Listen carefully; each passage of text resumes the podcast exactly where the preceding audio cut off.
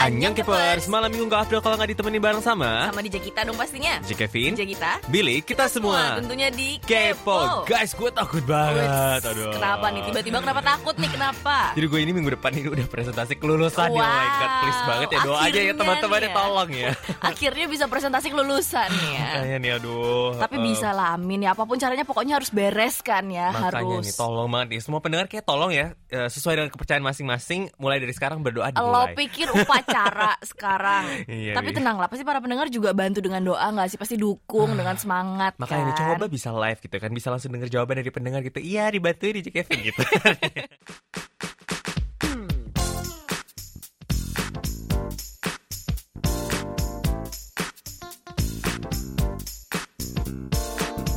Kupas tuntas berita terbaru. Bareng sama DJ kita di Info Celebrities Songgyo Infinite mendadak akan mulai masuk wajib militer minggu depan. Di hari terakhir konser solonya yang berjudul Shine tanggal 7 Mei kemarin, dia mengumumkan kalau dia akan masuk militer dan agensi Wulim Entertainment telah mengonfirmasi hal tersebut. Dia akan masuk wajib militer tanggal 14 Mei yang akan datang dan akan bertugas sebagai tentara aktif. Masih tentang wajib militer nih. Junkei 2PM telah masuk militer hari Selasa kemarin, tepatnya tanggal 8 Mei. JYP Entertainment mengungkapkan berita ini bahwa Junkei telah masuk militer dengan tenang sehingga mereka tidak memberitahu tempat dan waktunya. Setelah itu di website JYP ada post surat dari Junkei yang ditulis tangan dia sendiri. Cepat kembali ya Junkei. Kim Dong-han dari JBJ mengonfirmasi solo debut dia. Agensi OUI Entertainment bilang kalau rencana solo debut ini akan dirilis pertengahan Juni. Agensinya OUI Entertainment bilang kalau rencana solo debut album ini akan dirilis pertengahan Juni yang akan datang. Dan ini merupakan mini album. Kim Dong-han juga akan segera rekaman untuk track side B dari albumnya ini. Kita tunggu ya solo debutnya. Songanon Muses mengupload sebuah surat di fan cafe mereka yang menyebutkan bahwa dia akan segera menikah. Dia bilang setelah lagu terakhir mereka Sleepless Night tahun 2015 silam, dia mencoba menjadi DJ dan telah sukses menjalankan penampilan dia sebagai DJ. Dalam prosesnya, dia bertemu dengan DJ Dakyu dan mereka berencana akan menikah tanggal 20 Mei yang akan datang. Wah, selamat ya!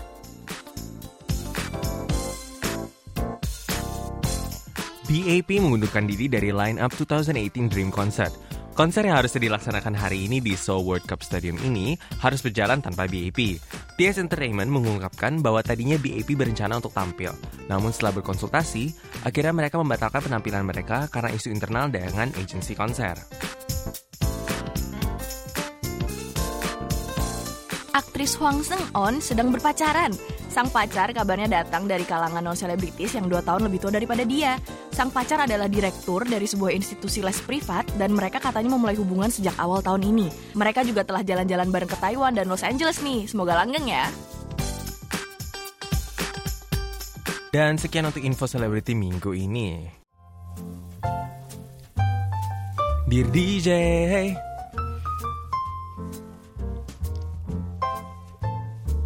Oh, oh, dear DJ.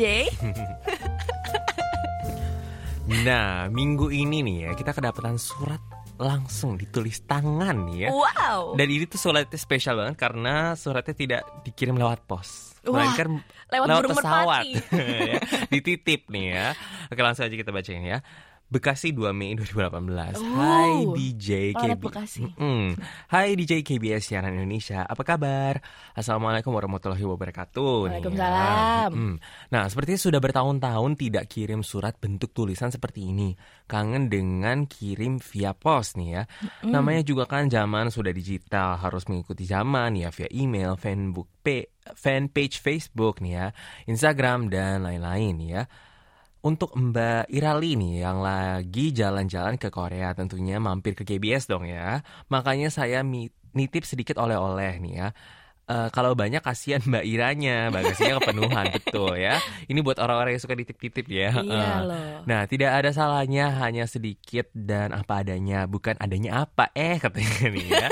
nah, terima kasih buat Mbak Ira dan juga DJ KBS Siaran Indonesia nih ya.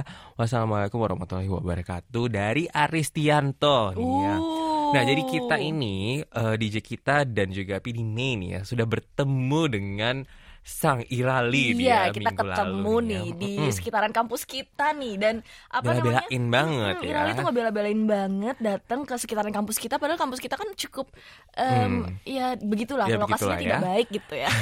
nah masalahnya gini ya eh, jadi waktu Irali datang itu dia bawa banyak banget kan kita shock gitu kan terus yang kayak begitu kita beneran coba untuk membawa sendiri ternyata tuh semua kita bertiga kayak ini berat banget gitu Ah, serius? gimana satu orang membawa ini semua gitu kan ya akhirnya ya ada kita bagi lah bertiga kan ya jadi PDM bawa ini sebera- sepertiganya gue bawa kayaknya gue bawa setengah deh bentar ya gue kayak bawa setengah yang lain itu dibagi setengah lagi tuh kayaknya ya berdua nih ya iyalah, ini kan udah olahraga nih DJ Kevin yang paling punya tenaga nih harus Anyway, banyak ya. nah jadi ternyata nih ya, jadi Irali ini ngasih ada kayak jam nih ya, jamnya Uh. itu dipesan khusus dari Jogja nih ya bahkan ya, jadi ada KBS-nya gitu nih ya, keren banget ya pastinya deh. Kemudian ada juga cemilan-cemilan nih ya, dan juga dia kasih khusus api segit buat DJ B katanya lagi ngidam nih ya.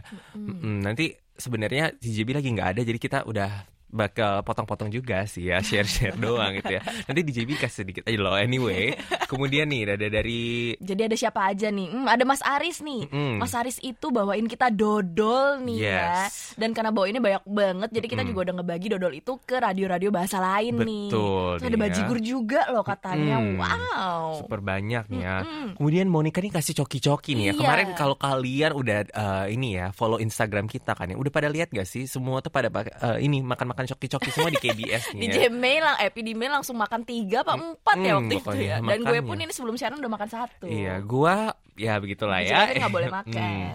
Nah, dan ini nih ada dari Maria juga nih dia ngebawain kita gantungan KBS. Iya, Uh. wow, ini pokoknya nih ya pastinya nih ya dari kalian semua bisa berkumpul ngasih-ngasih hadiah ini ke kita sampai dibawain langsung sama Irali itu juga salah satu yang bikin kita kayak spesial banget gak sih ya Super ngerasa kayak senang-senang banget. terharu gitu ya istilahnya kita nih tuh ya. siapa sih dikasih hadiah-hadiah seperti ini? Cuman emang kita lagi senang banget nih ya Mm-mm. dapat hadiah dari kalian semua. Yang pasti yang paling seneng saya PD May sih ya Karena dia kan setiap hari di KBS Jadi kan pasti setiap hari dia bisa menikmati itu semua gak sih ya Kalau kita kan cuma seminggu sekali doang datangnya ya Bener. Hmm.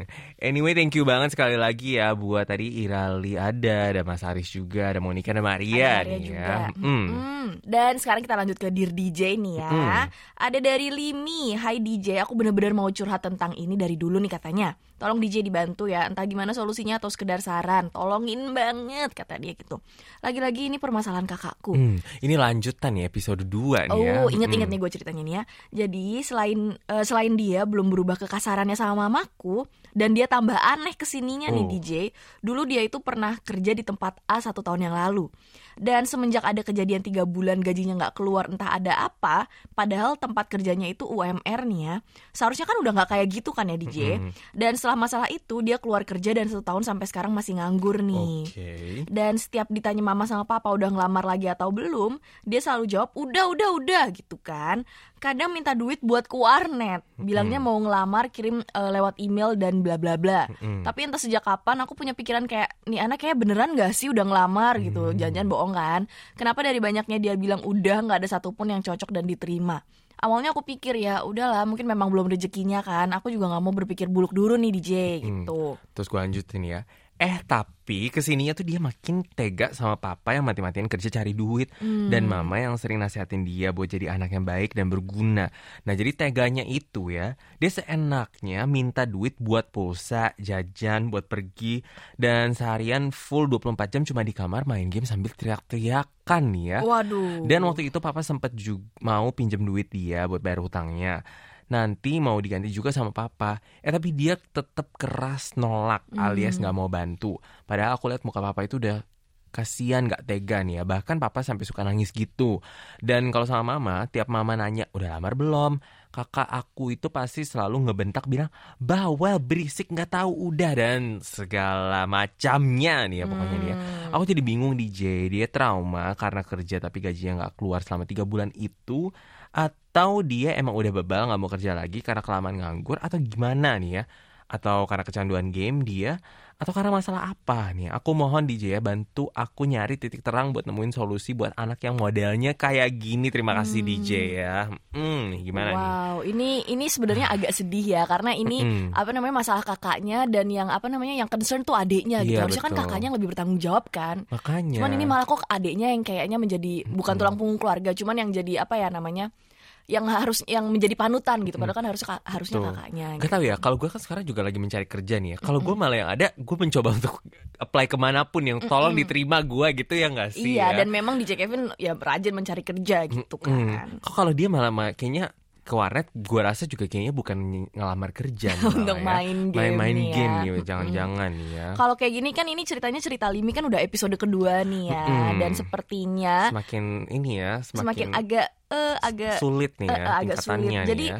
em, mungkin nggak ada salahnya juga kalau mungkin kakaknya nggak mau sih. Cuman nggak ada salahnya juga kalau mungkin ya ngobrol lah sama psikiater atau psikolog Hmm, juga hmm. eh, ngebawa orang yang bener-bener expert dalam hal seperti ini ke keluarga kamu gitu. Hmm. Cari cari tahu lah gitu kan. Betul. Itu Tapi mungkin ini- bisa dilakukan juga. Eh, tapi kayaknya nih ya mungkin ya eh, para pendengar juga mungkin punya kan punya pasti kakak adik gitu kan ya yang mungkin ada kakak-kakak atau ada adiknya yang juga kayak gini nih ya yang kayak keras kepala banget gak sih kesannya kalau didengar nih ya. Gimana sih cara kalian mengatasinya gitu kan ya? Boleh juga mungkin share-share gitu Eh, mungkin kalian kenal juga orang-orang yang seperti ini nih ya. Kalau gue punya anak kayak gini, gue udah nggak bakal ngasih dia uang sama Iya. sekali sih kalau gue juga kayaknya udah gue buang loh. gue cut lo di kamar gue kunci. Ya kayak Hmm, gitu juga sih ya, itu agak tega sih yang namanya juga anak tapi ya kita soalnya belum pernah punya anak jadi nggak iya ngerti jadi nih. udah lo gue buang aja ke hutan gitu kan Tapi yang pasti kita mau dengerin juga nih dari para pendengar nih ya gimana nih komennya menga- eh, untuk mengatasi nih ya para- eh, si Limi ini yang lagi sedang kesulitan ini kan Bener ya. banget. Hmm.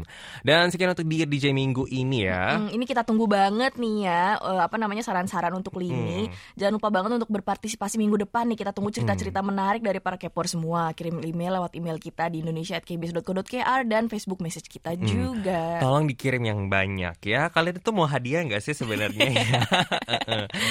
anyway, kemudian ada laporan penerimaan siaran untuk minggu ini ya. Kita bacain dari Jihon Park nih ya. Tanggalnya hari Selasa 8 Mei 2018 jam 7 sampai jam 8 malam. Sinponya 54554 nih ya. Lokasinya di Pasuruan via mobile app KBS World Radio on Air ya. Eh, komennya adalah Annyeonghaseyo nikah ini langsung nih ya. Eh, roti manis kacang merah ternyata disukai warga Korea dari berbagai kalangan. Jadi pengen nyobain nih ya. Hmm, Mm, jadi roti lapar manis ya. kacang merah nih ya. Mm. Oke, selanjutnya ada dari Afifah Rizky Chan, Sinpo 55555, perfect, tanggal 5 Mei 2018, pukul 7 sampai 8 malam, mendengarkan siaran via 102,6 Camajaya FM di Depok. Dear Family, hari ini terharu nih DJ, terima kasih udah bacain email aku ya. Semoga keinginan pendengar KBS World Radio Indonesia melakukan hal yang diinginkan bersama keluarga dapat tercapai. Amin, Amin, ya. amin, amin. Mm, kemudian selanjutnya dari Atika Setianingsi nih ya Eh, Jumat 4 Mei 2018 jam 7 sampai jam 8 malam Simponya 55555 nih ya Lokasinya di Tanjung Barat, Jakarta Selatan Via mobile app KBS World Radio on air juga ya Dan lucu-lucu ya komennya para pendengar di segmen CP Apalagi DJ-nya ngakak mulu Bikin ngakak juga jadinya Love you DJ ABC nih ya Nanti kita sampai langsung ya ke DJ. ABC-nya nih ya Dan sekian untuk laporan penerimaan siaran minggu ini.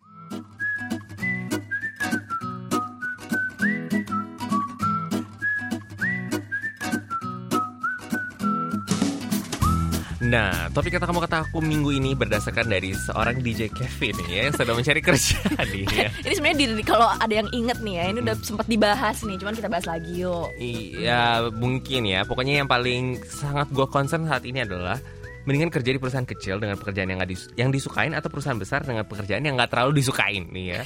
Dan kayaknya nih eh, menurut gue banyak banget kita dilema dilema seperti ini kesehariannya juga misalnya Aduh, masuk universitas belum. ternama dengan major yang nggak terlalu disukain atau masuk universitas biasa aja atau dengan major yang disukain kalau misalnya butuh DJ Kevin yang udah masuk universitas yang ya lumayan ternama lah ya. Dengan major yang tidak disukain mendingan jangan ya. Kalau gue sih gitu ya. Dia ngomong apa sih barusan? Saya nggak denger. Anyway, bacain yuk. Oke, yang pertama nih langsung aja ya dari Basit Hasibuan ya. Kebahagiaan yang paling tidak diternilai adalah sesuatu yang tidak bisa dinilai dengan materi ya. Meskipun itu sederhana tapi ketenangan batin kita tidak tersiksa. Uh, benar. Termasuk mendalami suatu pekerjaan di perusahaan kecil tentu dengan konsekuensi konsekuensinya gajinya kecil dibandingkan perusahaan besar nih ya. Mm. Apalah artinya kalau kita kerja yang tidak kita sukai dengan gaji besar tapi tersiksa. Kayaknya pengalaman gue. Eh, anyway, eh, terus Bukankah menimbulkan stres, tekanan batin, ujung-ujungnya penyakitan ya. Mm. Walhasil tidak bisa menikmati uang hasil jerih payah kita. Jadi saran saya, carilah pekerjaan yang sesuai dengan kata hati kita agar tidak merasakan beban dalam hidup. Belajarlah dari lingkungan perusahaan kecil tersebut untuk membangun suatu yang besar. Hidup jangan hanya mengejar materi, tapi kejarlah apa yang membuat kita senang dan bahagia. Aduh, ini agak touching nih. Bener ya. sih, tapi gue Hmm. pengen nanya nih, bener nggak Ya. sih misalnya kita kerja di perusahaan besar, tapi gajinya kerja di perusahaan besar, gajinya besar kan pastinya obviously, tapi kita nggak suka kan nih. Mm-mm.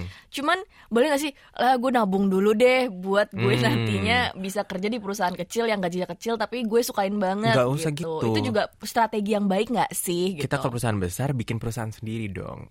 Mesti dream big di kita. Kita ke perusahaan besar tapi ke perusahaan. Iya, maksudnya perusahaan besar kita nabung banyak, abis itu bikin perusahaan Iya ini kan tapi dong. pertanyaan lo kan lagi per, Anyways. perusahaan besar atau kecil.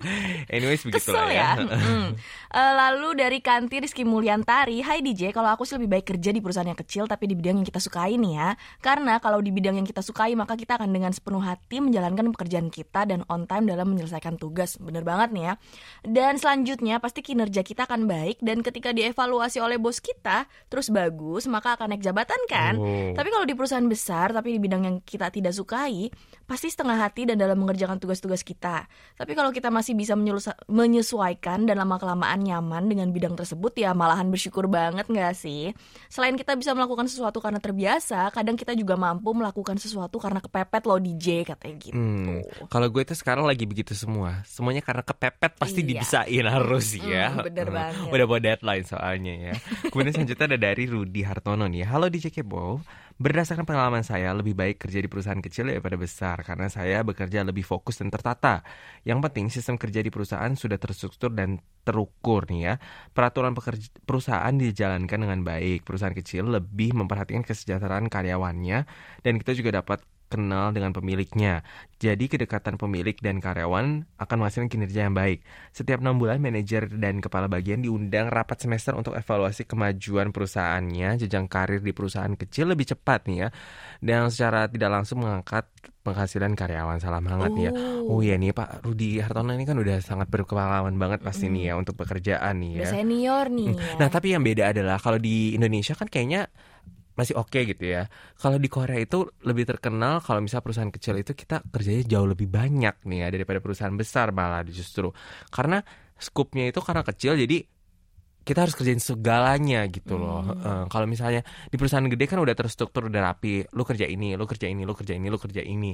Kalau perusahaan kecil tuh lebih kayak lu kerja semuanya gitu. Makanya itu salah satu dilema juga nih ya. Hmm. Mm. Dan selanjutnya ada dari Resti, andaikan kita bisa kerja di perusahaan besar yang pekerjaannya yang kita sukai nih ya, wah itu pasti rezeki banget sih. Banget. Tapi semua pasti ada pilihannya kan. Dan kalau aku boleh milih, aku lebih milih perusahaan kecil dengan peru- pekerjaan yang kita sukain. Aku pernah baca nih ya DJ di sebuah artikel tentang Mm-hmm. survei, katanya perusahaan kecil memiliki karyawan yang lebih bahagia. Hmm. Kayaknya nih ya, mungkin maksudnya karyawannya lebih bisa kenal satu sama lain kan.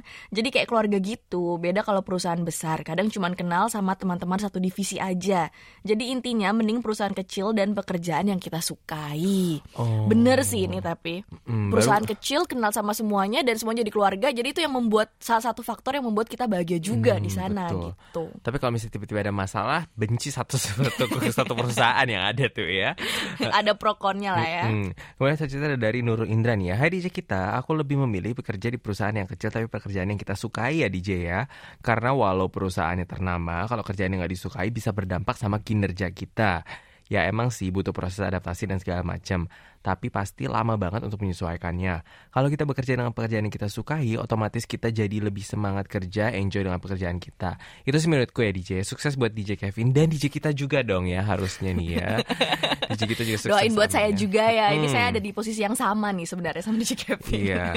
Dan selanjutnya nih dari Kuni Sangadati, Hai DJ Kepo, ini kayak dulu aku mondok di pesantren milih pondok besar yang banyak teman Mm-mm. atau pondok kecil yang masih baru.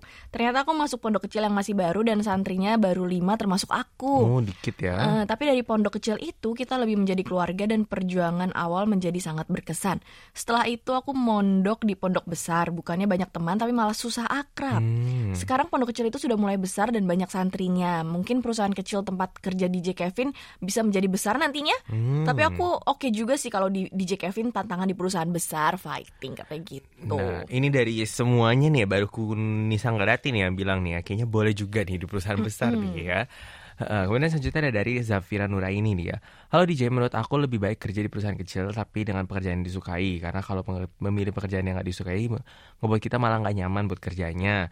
Walaupun itu perusahaan besar sekalipun, kalau pekerjaan yang nggak disukai, nanti kita terbebani dengan pekerjaan itu dan nggak enjoy buat kerja nih ya. Hmm, hmm sama ya komennya. Hmm, lanjut ya. lagi nih, ada dari Uli Firlianti. Hai DJ, aku sebenarnya ingin menjawab memilih perusahaan kecil dengan job yang aku impikan. Tapi semakin dewasa dan tuntutan hidup yang hmm. semakin keras, oh. saya pikir itu hanya sesuatu yang susah, sesuatu yang susah diraih nih ya. Saya sendiri memilih berada di perusahaan besar walau bukan pekerjaan impian karena dengan dapat pekerjaan saja kita sudah beruntung bukan DJ? Nah, uh, makanya nih kalau ini nih yang ngomong ini kayaknya baru satu orang yang ngomong realitas. Realitas nih ya. Mm. Maksudnya kalau misalnya bisa dipilih nih ya, sebenarnya untuk dilihat orang lain pun kan misalnya, oh gue kerja di perusahaan ini, terus kayak semua orang kayak tahu gitu, oh lu perusahaan gede nih ya. Orang tuh kayak lebih gimana gitu juga kan ya, walaupun dia pasti nggak nanya misalnya lu kerjanya apa gitu. Yang penting sebenarnya gaji juga nggak sih ya anyway. Tapi kalau gue sih dengan kalau gue sih kayaknya kalau misalnya gue punya pilihan ya, gue akan milih di perusahaan besar dengan gaji besar dulu. Mm -hmm. uh, uh, mungkin setahun dua tahun terus mm. pindah sih. Itu oh, pengennya gitu. seperti itu. Kalau punya pilihan ya dapat aja belum ya? Iya dapat aja mm. belum. Nyari aja kayaknya belum dari gitu nih ya. Udah nyari ya anaknya. Uh, dan lanjutan lagi dari Syasha Cikita. Hai DJ, ini adalah pertanyaan yang pas aku rasain habis lulus kuliah. Tapi akhirnya sekarang aku kerja di perusahaan kecil dengan pekerjaan yang disukain. Ini lebih better karena kalau kita di perusahaan besar tapi nggak suka uh, malah efeknya kita jadi nggak nyaman kan kerja uring-uringan kerja jadi nggak konsen aku sih bisa bilang gitu karena lihat hasil dari teman-teman aku yang kayak gitu dan berujung dengan resign dari kantor mereka tapi kerjaan nggak sesuai nggak apa-apa hmm. sih resign tapi kan gajinya udah dapat oh. yang penting gaji tetap yang penting gaji ya. udah dapat dulu resign hmm. sih ya udah emang kalau udah nggak kuat ya resign aja gitu kan nah kemudian selanjutnya ada dari Renita Ayu nih ya Anjong DJ kalau menurut aku mendingan kerja di perusahaan kecil dengan pekerjaan yang disukain ya soalnya kalau kita suka kita nyaman kita bisa menikmati pekerjaan itu tanpa tekanan. Hasilnya juga lebih optimal kan ya. Entah itu perusahaan kecil atau besar kayaknya nggak terlalu berpengaruh ya.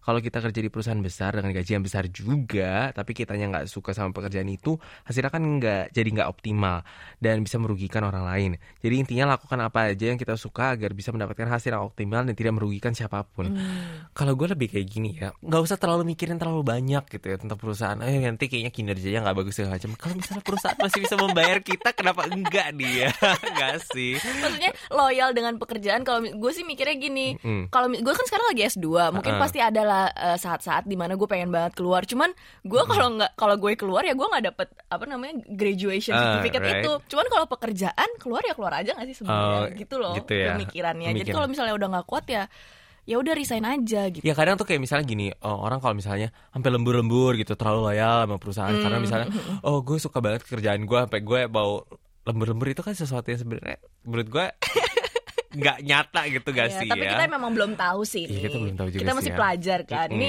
hanya ocehan-ocehan dari anak-anak ini ya, anak-anak yang belum tahu apa-apa.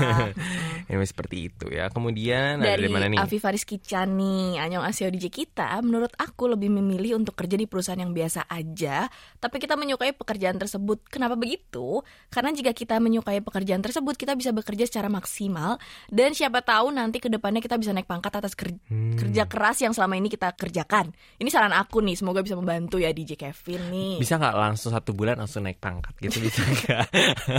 Siapa yang nggak gitu mau ya, ya anak ini nih ya? Kemudian selanjutnya dari Visti Desinta nih ya. Kalau menurut saya DJ Kevin harus ikut kata hati. Wow. iya. Kalau kata hati DJ Kevin nggak perusahaan besar nggak perusahaan kecil, hmm. kayaknya ke ke jalur yang lain nih. Kalau gue mau bikin perusahaan aja gimana ya. nah jadi tapi kalau masih bingung, saran saya mending di perusahaan kecil tapi di pekerjaan yang disukain. Soalnya kalau udah suka pastinya bakal enjoy, jadi nggak stres. Tapi kalau DJ Kevin ngelirik pendapatan yang lebih, pastinya masuk ke perusahaan besar. But you must bear with it. Iya, nggak ya. boleh ngeluh hmm. nih ya malam-malam ngatok hmm. Atau hmm. ngatok di katok grup gitu. nah karena kalau kerja nggak suka pasti nanti bikinnya nggak bet, bikin nggak betah.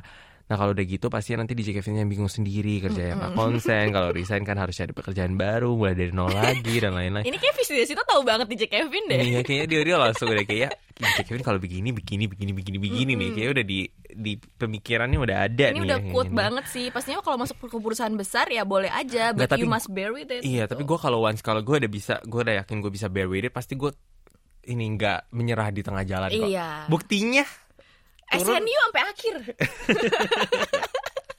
Nggak menyerah. diet nggak menyerah kan gue Diet nggak menyerah. menyerah Iya. iya Ya, boleh boleh.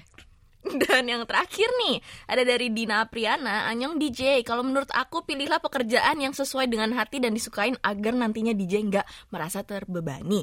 Karena kerja sesuai hati dan kesukaan akan lebih nyaman dibanding kerja bukan hal yang disukai. Itu hanya akan membebani hati dan pekerjaan saja nantinya. tapi gue tuh kayak ada pengen yang kayak ada challenging gitu Eh, ya. In- monoton gitu Mm, ya. Tapi betul. in the end kesehatan mental tuh memang yang paling penting kan. Betul. Jadi kalau perusahaan kecil tapi sehat mental lo sehat ya kenapa enggak? Mm-mm, iya gitu ya. Dan thank you banget ya udah banyak banget ya komen yang masuk nih ya dan Mm. pasti membantu banget nih ya. Eh, semuanya sih bilangnya per- perusahaan kecil tapi Iya. let's see nanti gue akan kabarin lagi nih Kalau gimana menurut gue perkembangannya ya. Menurut gue DJ Kevin kayaknya akan memberontak nih. Karena di Kevin ini hari Senin ini udah ada interview lagi ya. Waduh, jadi gimana Doain nih ya, guys. Tolong ya didoain juga nih ya. Dan sekian untuk kata kamu kata aku minggu ini ya. Mm, Dan jangan lupa nih ya tetap berpartisipasi untuk minggu depan nih. Pastinya yang mau hadiah dia Dan untuk yang beruntung minggu ini Adalah- adalah Jihon Park ya. Uh. Tolong dikasih tahu nama aslinya siapa dia. Pak Jihon nih ya. Hmm.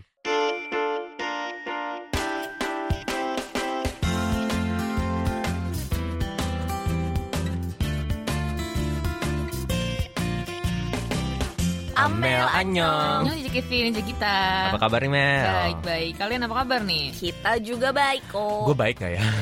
baik lah. Kalau ditanya nggak baik dulu. Nih kapan baiknya sih DJ Kevin nih? Bantu doanya minggu Nggak baik ya. pun, Aduh. bilang aja baik dulu Hmm. gitu. Nah, Ya, baik. By the way, cerita minggu ini apa nih di Jamel ya? Oke, jadi hari ini gue mau share pengalaman gue ke SM Max It Exhibition, Mm-mm. yaitu sebuah pameran yang diselenggarakan oleh SM Entertainment Oh, nih. ini DJ Amal Back to Idol Edition Hmm. nih ya. Back to Idol mode on ya. Idol mode on. Pameran apa nih? Isinya foto-foto dari artis-artis SM Entertainment kah? Eh, bukan. Jadi pameran ini bukan pameran foto, Oh, pameran melainkan- orang. Gak ada orang sih di situ juga. Melainkan pameran dari identitas SM Entertainment yang baru. Oh. baru denger nih gue. Oh, maksudnya identitas apa nih? Jadi logo baru atau apa nih ya? Jadi, mm-mm, jadi sebenarnya SM itu telah merubah logo Hmm. dan brand identity mereka sejak bulan Oktober tahun lalu. Oh. Udah pernah lihat belum logonya nih kalian? belum. Kayaknya belum ya. Belum ya. Jadi SM lo- eh, logo SM yang lama kan identik dengan warna pink ya. Iya, kayak brand kosmetik ya. Iya, Heeh. pink banget gitu kan, unyu-unyu gitu. Jadi logo barunya itu ada empat unsur warna Oke. nih. Jadi pink menyimbolkan fresh image, putih menyimbolkan modernisasi, biru bermakna inovasi, dan abu-abu yang menyimbolkan neutral gitu. Oh, ini Oh. SD, SMP, SMA ada semua nih. Biru, abu-abu. Lebay ya logonya dia. Tapi bentukannya gimana nih logo barunya nih? Kayaknya gue gak pernah lihat deh. Coba di search aja deh gitu. Coba kita search dulu ya. Oh, gambarin Google nih. ya ya. heeh. di search dulu ya, di Google dulu. Jadi nggak cuma warnanya yang berubah nih ya. Kalau lo lihat logo barunya SM itu Mm-mm. ada dua esensi nih, yaitu Oh, light dan flexible. Wait, ini logo doang maknanya dalam banget ya. dalam banget nih jadi gue ceritain ya light itu berarti kan kok ketawa sih Lanjut lanjut. lanjut ya jadi light itu berarti kan artis-artis dan konten SM Entertainment yang bersinar Oh, Gitu tapi emang kan. bersinar sih ya. Mm-mm. nah kalau fleksibel itu menyimbolkan SM Entertainment Group yang terus berkembang gitu secara fleksibel gitu kan Oh, mengikuti globalisasi. betul gitu. banget Nah, kan sekarang kan yang bukan sekedar manajemen artis K-pop aja memang nih ya. Jadi SM sendiri juga punya kayak SMCNC nih ya. Jadi dia menaungi aktor-aktor dan selebriti lain, juga Betul, pastinya betul. memproduksi drama dan acara-acara TV nih ya. Dan juga ada katanya SM brand marketing juga kan ya membuat eh, yang banyak tuh ya misalnya kalian punya goodie-goodie kecil-kecil gitu kan ya yang dijual bareng di SM Market juga kan ya. Hmm, bener banget nih ya. Dan SM sekarang udah semakin besar juga nggak sih? Kayaknya dari tahun Besar banget. 90-an. Mm-mm. Artis-artisnya itu kayak cuman ada HOT, SIS, Shinwa. Sekarang lihat aja NCT aja membernya banyak banyak kan ya. Terus audisi-audisi SM juga sudah diadain di seluruh dunia kan. di Indonesia juga ada bukan Iya, sih SM makanya. audition Betul nih ya. Dan kalau NCT jujur gue juga pusing nih ya, kayak berubah-berubah terus membernya. kalau. NCT harus tanya sama DJ Niken deh Oh, hafal kalau dia. Iya, ya. hafal banget Luar ya. kepala kalau itu ya. Nah, kalau pameran ini tuh kita bisa lihat juga perkembangan SM mulai Hmm. dari dibentuknya ya tahun 95 hingga ta- hingga tahun 2018 ini kan. Emang hebat banget sih kayak SM dan ke depannya juga kayaknya makin banyak nih inovasi-inovasi dari SM Entertainment sendiri. Ini kedengarannya kayak ini ya, apa Hongbo Desa ya, apa ya? Udah mikir dari tadi. Aduh, Duta pintar banget ya. ambasador dia. Aduh, kayaknya tolong nih. boleh kalau ada Ceyong tuh. pengen pekerjaan ya, Pekerjaan ya. dilirik tolong SM Entertainment ya. Wah ini di Jamel emang promosi SM banget nih ya kayaknya di sini nih ya. Anyway, kita udah denger tentang konten pamerannya kan. Kalau dari visualnya sendiri gimana nih menurut lo nih Mel? Em, keren banget sih menurut gue ya pameran sendiri tuh keren banget dari segi lighting dan konsep pameran sendiri tuh kayak modern banget. Mm-mm. Terus em, semua deskripsi tersedia dalam bahasa Korea dan bahasa Inggris. Global, Global right? ya. Jadi foreigner-foreigner yang datang juga bisa mengerti kan tuh maksud yang tadi susah itu makna-maknanya Oh. untuk dimengerti jadi gampang.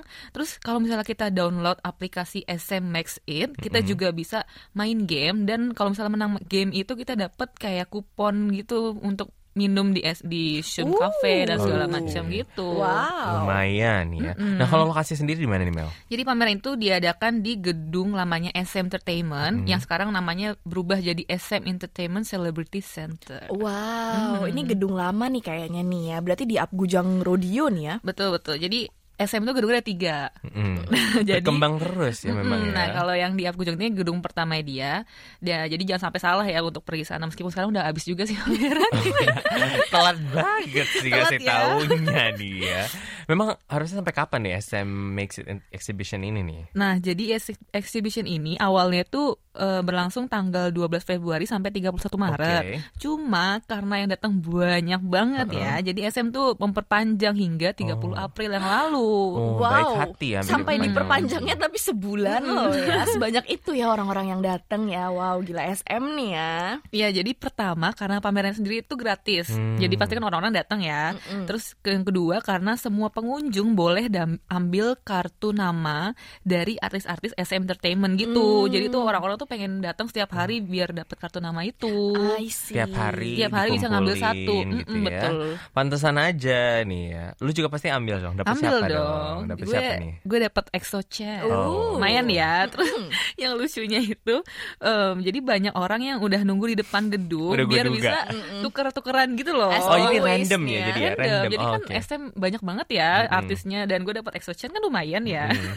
jadi pas gue keluar, gue tuh langsung diserbu sama 10 orang gitu terus kayak mereka langsung pengen tukeran gitu. Terus gue langsung shock kan. Bentar, bentar. Kartunya itu emang gimana sampai orang-orang Kayak bisa ada tahu gitu? juga. Jadi ada namanya EXO-chan gitu. Oh, jadi di belakang ada anda Ada namanya, namanya. gitu. Ada Exo fotonya dia juga Nggak kan? ada foto, cuman beneran kayak bisnis card gitu. Oh, nah dikasihnya itu terakhir sebelum lu keluar. Jadi kayak ada semacam laci kita ambil gitu. Hmm. Lucu deh pokoknya. Oh, oke. Warna pink, warna putih gitu lucu-lucu. Terus, Oh, terus gemes. langsung dikerumunin orang gitu ya. Dikubunin gitu dan It's- kebetulan mereka mencari siapa ya Shiny kalau nggak salah. Oh, Oh, saya, oke. saya EXO gitu asik. Asik.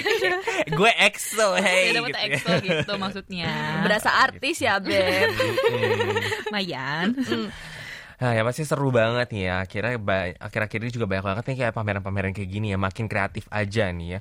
Dan pasti penasaran banget nih sama foto-foto dari SM Makes It Exhibition ini dong ya. Kalau penasaran bisa lihat langsung dokumentasinya seperti bisa di website kita ya di world.kbs.co.kr slash Indonesia. Thank you Amel, ketemu lagi minggu depan ya. Sampai jumpa minggu depan ya Kepers untuk kamu dari Korea.